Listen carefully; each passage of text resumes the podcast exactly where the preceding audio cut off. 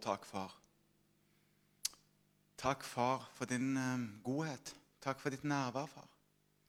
Takk for at du eh, rører hjertene våre. Takk for at vi kan ha fellesskap med deg, far.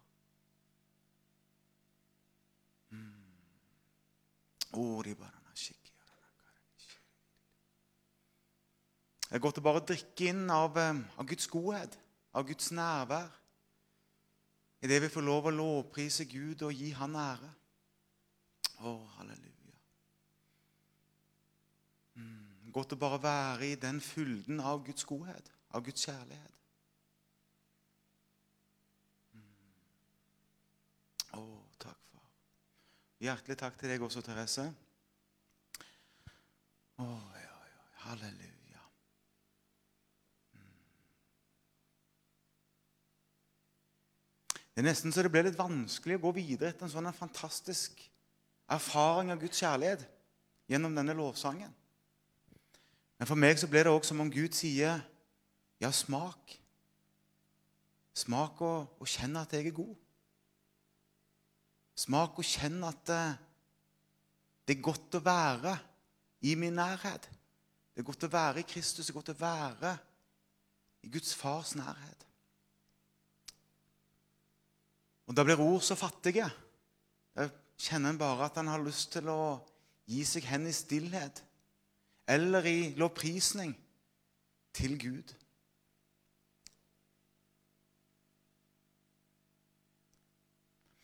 I, I hverdagen så møter jeg mange mennesker som på ulik vis gir uttrykk for at de lengter, lengter til Guds godhet. Lengter å erfare noe godt i livet. Lengter til å erfare noe som noen kan si er mer av Gud. Mens andre igjen, som ikke har møtt Gud enda, bare gir uttrykk for en tomhet. En slags mistrivsel. Kanskje tristhet og nedstemthet. Men hvor jeg gjennom det kan få lov å samtale med mennesker og se det at de lengter etter å bli møtt av en godhet. En godhet som overgår eller ligger utafor det som denne verden har av godt å gi. De lengter etter å bli fulgt av noe som kan gi livet mening. Noe som kan gi livet ro, hvile, og noe som kan gjøre at de kommer til, fred, nei, til et, en plass i livet hvor de opplever fred. Dette kan både være mennesker som, eh, som tror, tror på Jesus Kristus, har tatt mot Jesus Kristus som herre i sitt liv.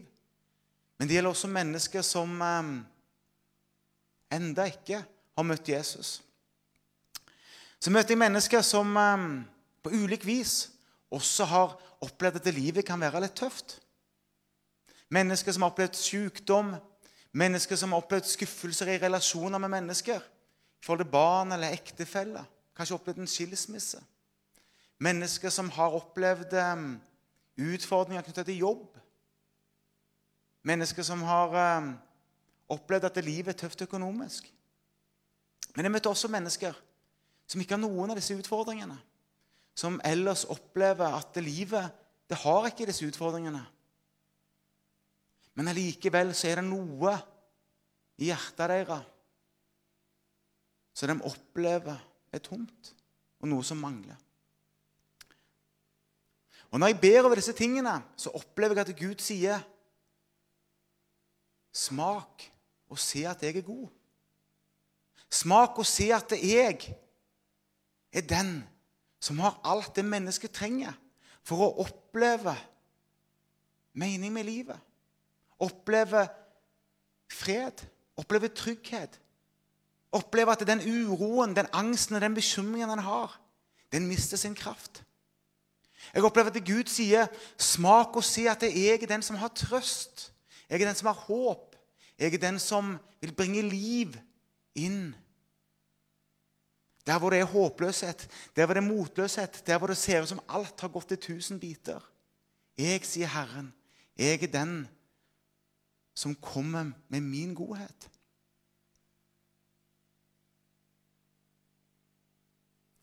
Jo, møter jeg ofte et spørsmål om da, kan Gud virkelig være god. Se på verden. Se på krig. Se på ødeleggelse. Se hvordan denne verden er. Jo, det er nå engang slik at denne verden er full av alt det som ikke er fra Gud. Det er slik at denne verden den kan gå hardt imot oss. Men allikevel så er det slik at Gud han er god. Gud er bare god, og Gud er bare full av ufeilbarlig kjærlighet. Fullkommen kjærlighet. Det står i Johannes første brev, vers 16, at Gud er kjærlighet. Gud er kjærlighet. Og det må vi ikke glemme. Ikke, det er ikke slik at Gud har kjærlighet å gi, men han er kjærlighet. Han er kjærlighet. Og i møte med Gud så er det slik at vi vil oppleve fullkommen kjærlighet. Så er det òg noe som, eh, som, jeg har stussa mye ved, nemlig at Gud Gud han er god mot alle. Tenk på det. Gud han gjør ikke forskjell, han. Gud er god mot alle. Også de som ikke tror. Også de som er, som, som, som Bibelen sier, urettferdige. Det står i Matteus 5, 45, For han lar sin sol gå, og, gå opp over onde og gode, og la det regne over rettferdige og urettferdige. Kan dere tenke dere det? Guds godhet gjelder ikke bare de av oss som har tatt imot Jesus, men den gjelder alle mennesker. Også de menneskene som vi kan se på som ugudelige, som onde og som urettferdige. Og Det har stukket meg mange ganger at det, det, kan jo ikke være riktig. Det kan jo ikke være rettferdig at Gud er rettferdig. Nei, altså Gud er god også mot de urettferdige. Men tenk det. Gud, han er god, og bare god.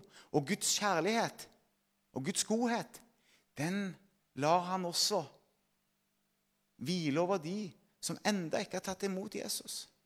Den lar han også regne over de menneskene som er onde. De menneskene som også kan være de menneskene som er rundt mot oss. De menneskene er også regna med inn i Guds godhet og Guds kjærlighet.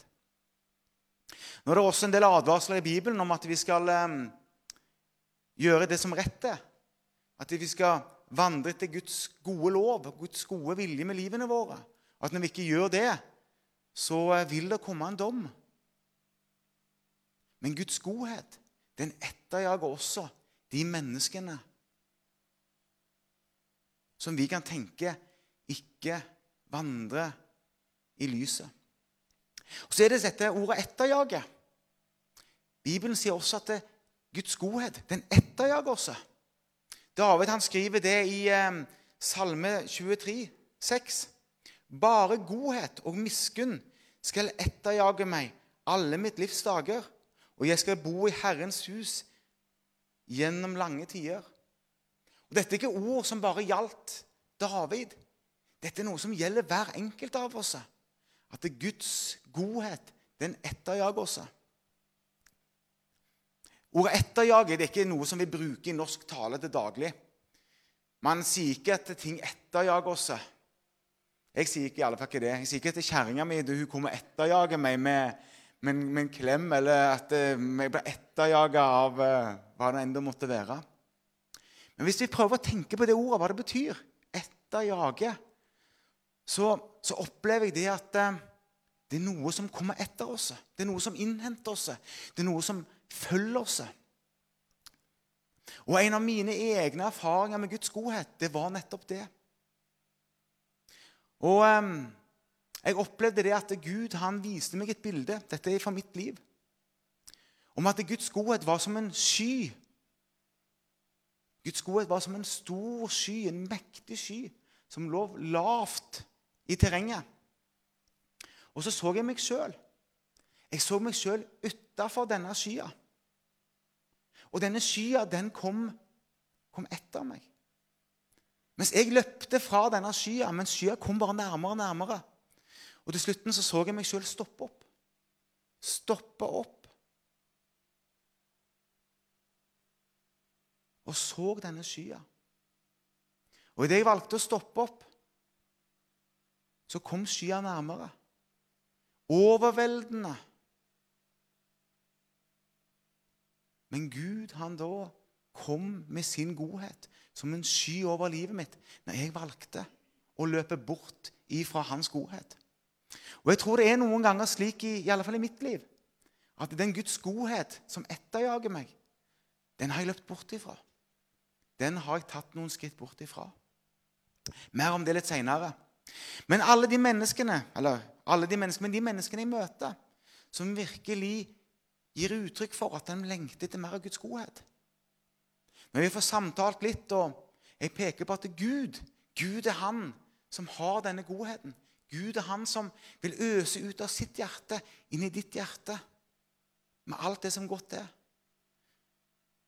Opplever jeg noen ganger en tristhet og et spørsmål, nemlig Hvis det er slik at Gud er god, hvordan kan jeg da få del i denne godheten? Hvordan kan den godheten som du sier etterjager meg, hvordan kan den bli noe som jeg kan erfare i mitt liv?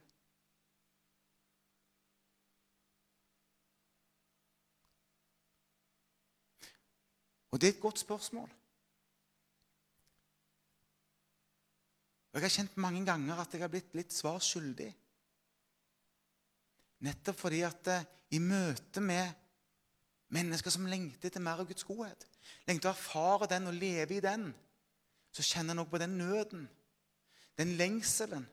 Noen ganger en sånn eksistensiell smerte i menneskers liv.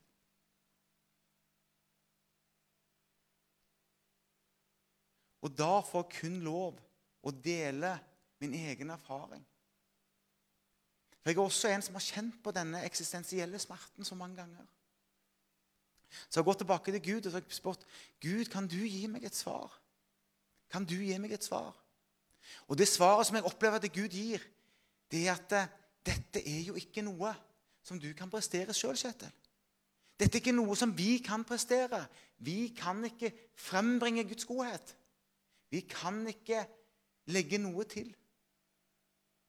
Samtidig så opplever jeg at Gud sier, 'Men du, Kjetil, du har fått frivillige.' Og du har fått muligheten til å ta noen valg i ditt eget liv. Og noen av de valgene må vi faktisk ta for å få del i Guds godhet. Og Det første det er egentlig å ta imot Jesus Kristus som, eh, som herre i livet. Ingenting vi kan prestere, Ingenting vi kan gjøre fordi det er fullbrakt. Men når det er sagt, så er det jo allikevel et ansvar hver enkelt av oss har. Nemlig å si ja. Si ja til Jesus. Og det er noe som, som egentlig er et større alvor enn det som kan, eh, kan sies.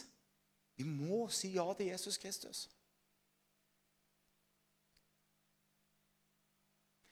Og Da sier Guds ord at eh, i Johannes 3,16 18 For så høyt har Gud elsket verden, at han ga sin sønn, den enbårne, for at hver den som tror på han, ikke skal gå fortapt, men ha evig liv.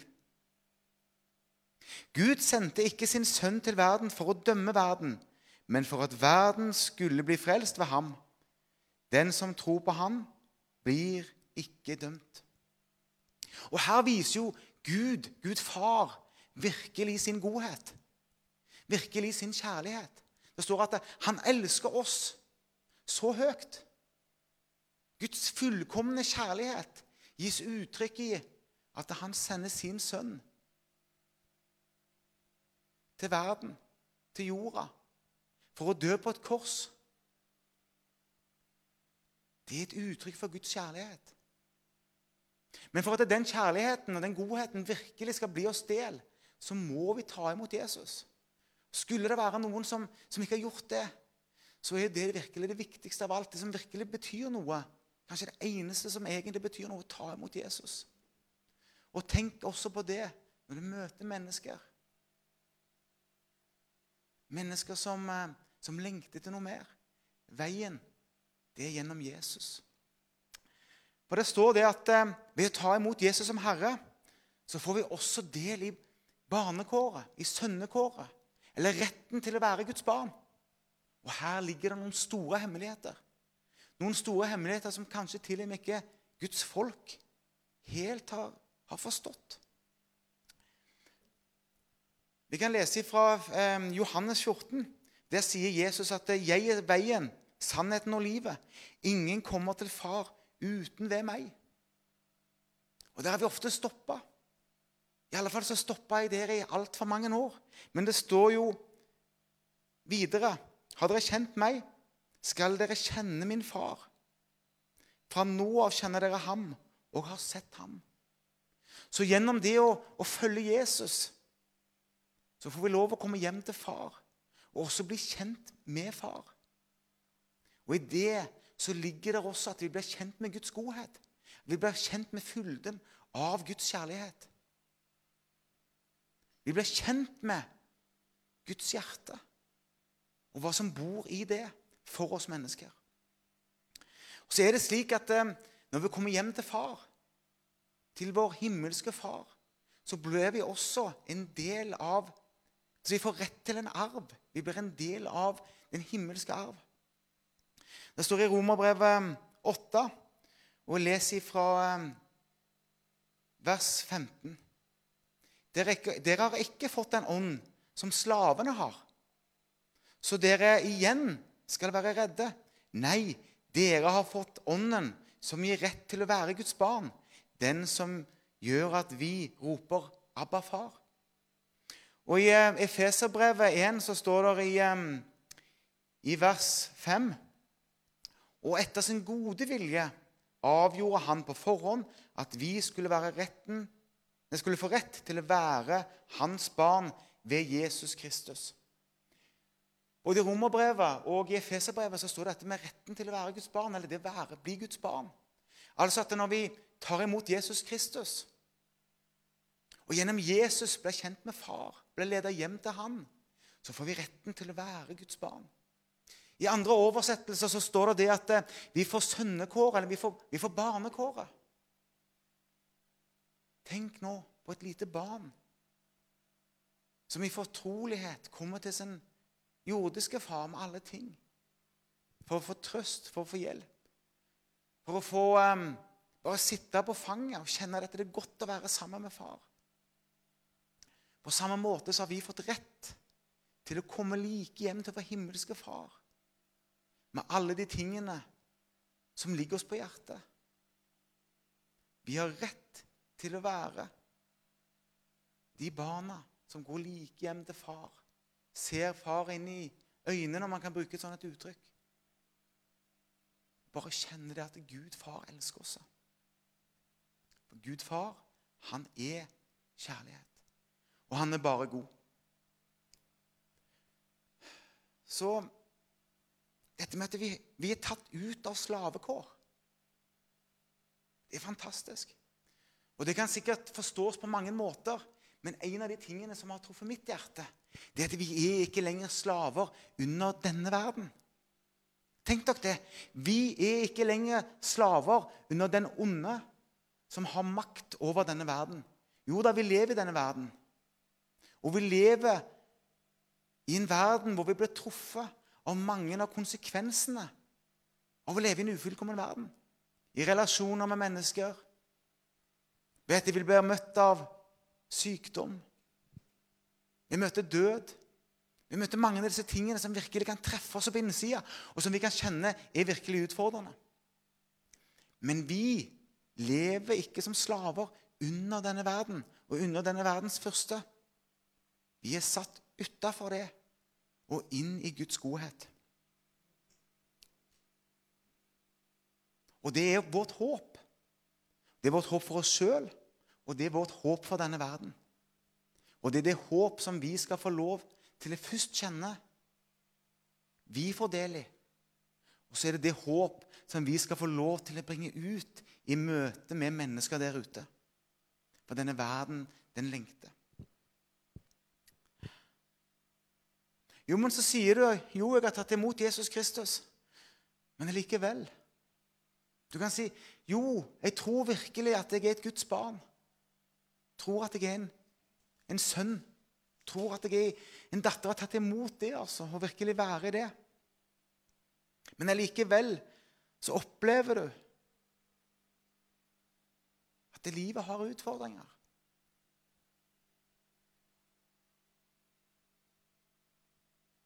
Når jeg leser Guds ord, nok en gang da inn i mitt eget liv, så opplever ikke jeg at Guds ord sier at jeg ikke skal gå gjennom utfordringer i livet.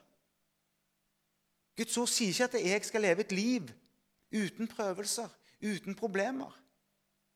Guds ord sier ikke at eh, livene våre skal være uten sorg, uten smerte, uten at vi kjenner på alle de utfordringene som det er å være menneske. Men Guds godhet sier jo det at det, i disse prøvelsene, i den smerten Så møter Gud oss. Så møter Gud oss med sin godhet, sin kjærlighet, sitt mot, sitt håp, sin trøst. Alle disse tingene.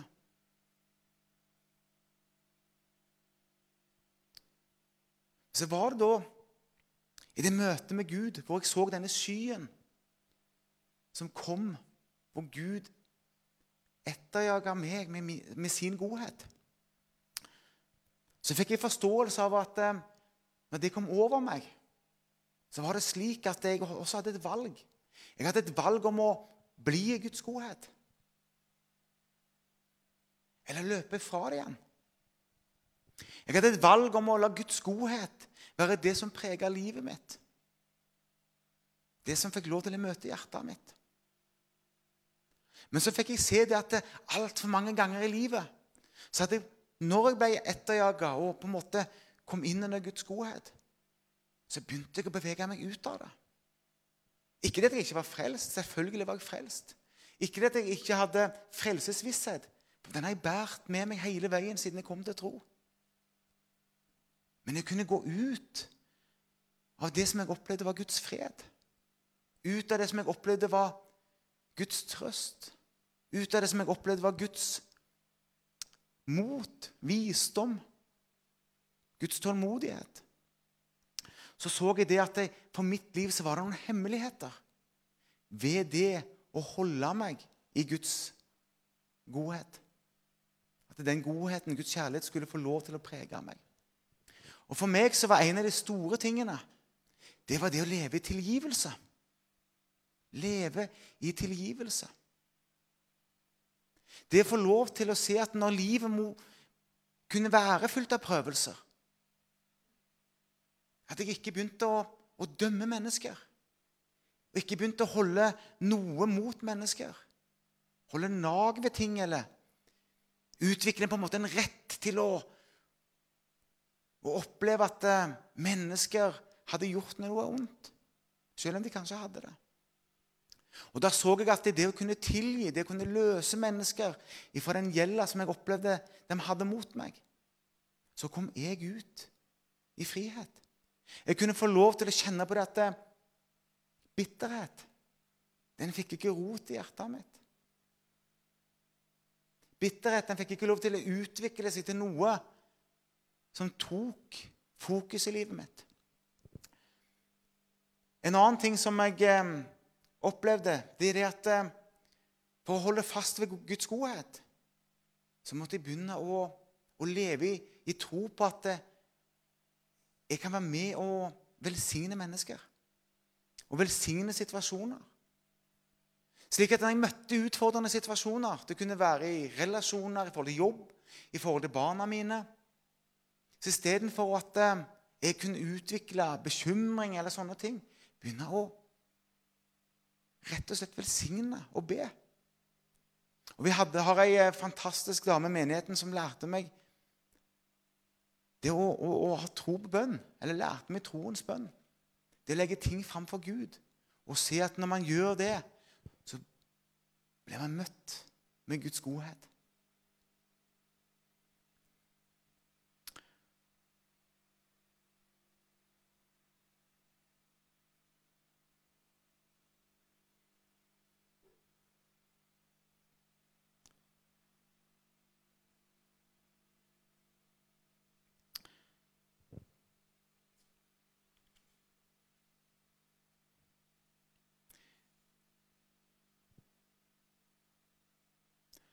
Noen ganger så har jeg òg opplevd at jeg har gått ut av Guds godhet.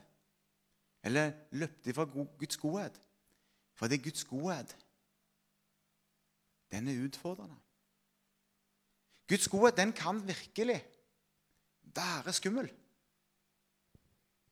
Guds godhet kan virke kjempeutfordrende på livene våre.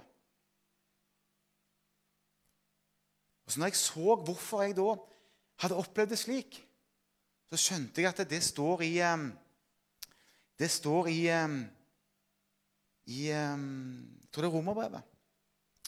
Der står det at Guds godhet fører til fører til omvendelse. Og omvendelse, det blir drevet inn i omvendelse, det kan oppleves som en utfordrende ting.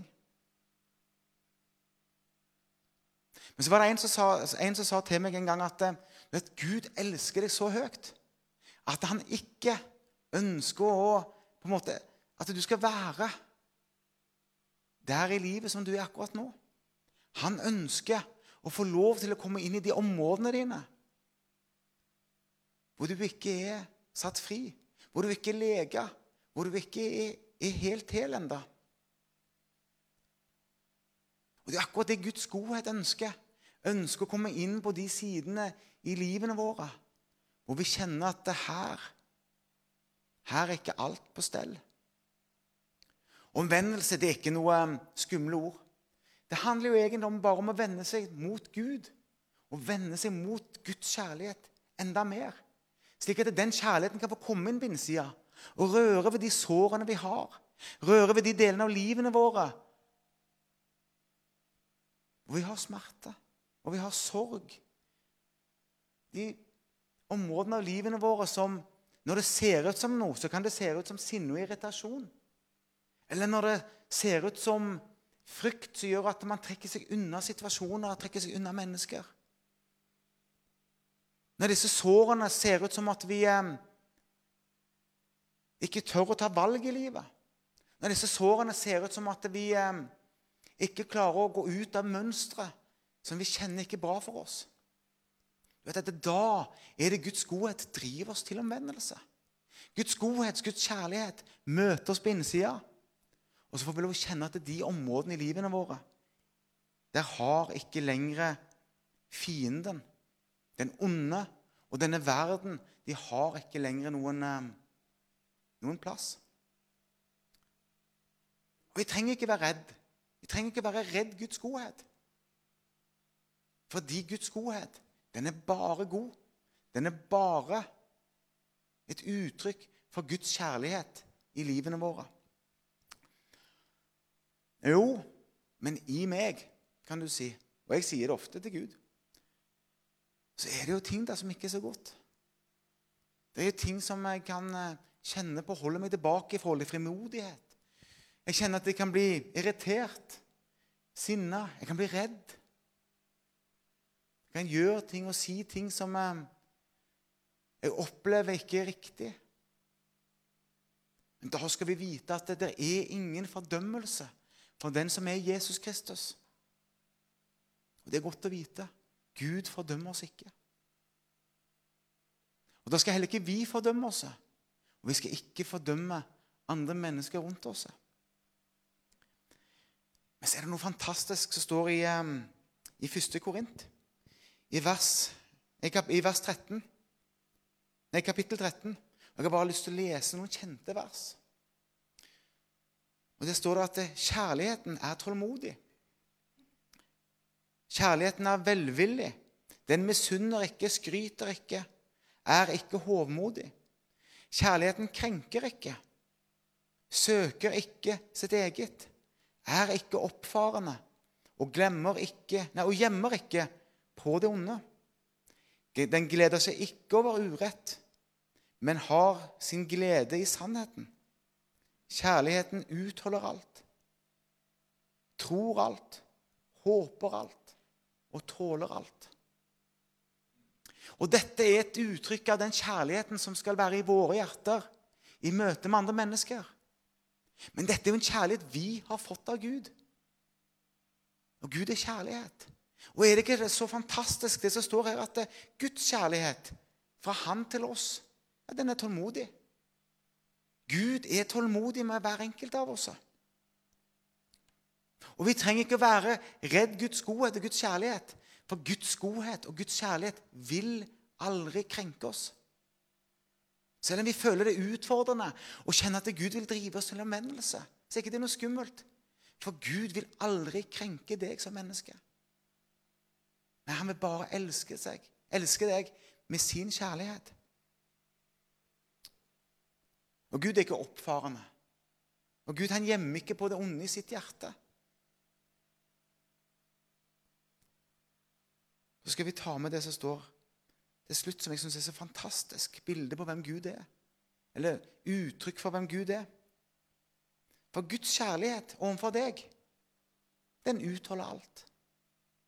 Guds kjærlighet for deg, den tror alt. Den har tro på deg.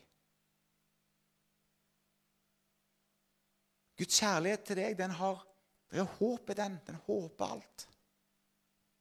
Så står det at det er Guds kjærlighet til deg og Guds kjærlighet til meg tåler alt. Tenk på det.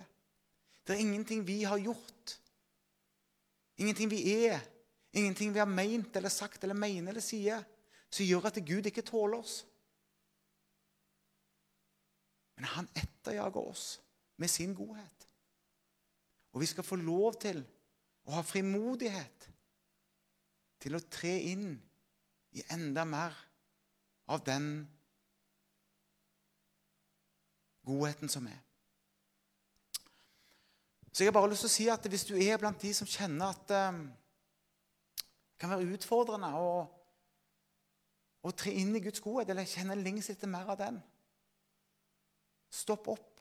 Ikke løp bort fra Guds godhet. Men stopp opp og la den godheten få lov å innta deg. For den er bare god. Den er ikke farlig. Og Hvis du kjenner det at eh, Ja, men jeg, jeg opplever virkelig Guds godhet. Jeg opplever virkelig å få lov å leve i Guds godhet. Vit at du har også et kall til å bringe Guds godhet inn i andre menneskers liv. Så langt som du har erfart Guds godhet, så det er ferdiglagte gjerninger for at du skal få lov å møte mennesker med Guds godhet. Det kan se ut som en klem.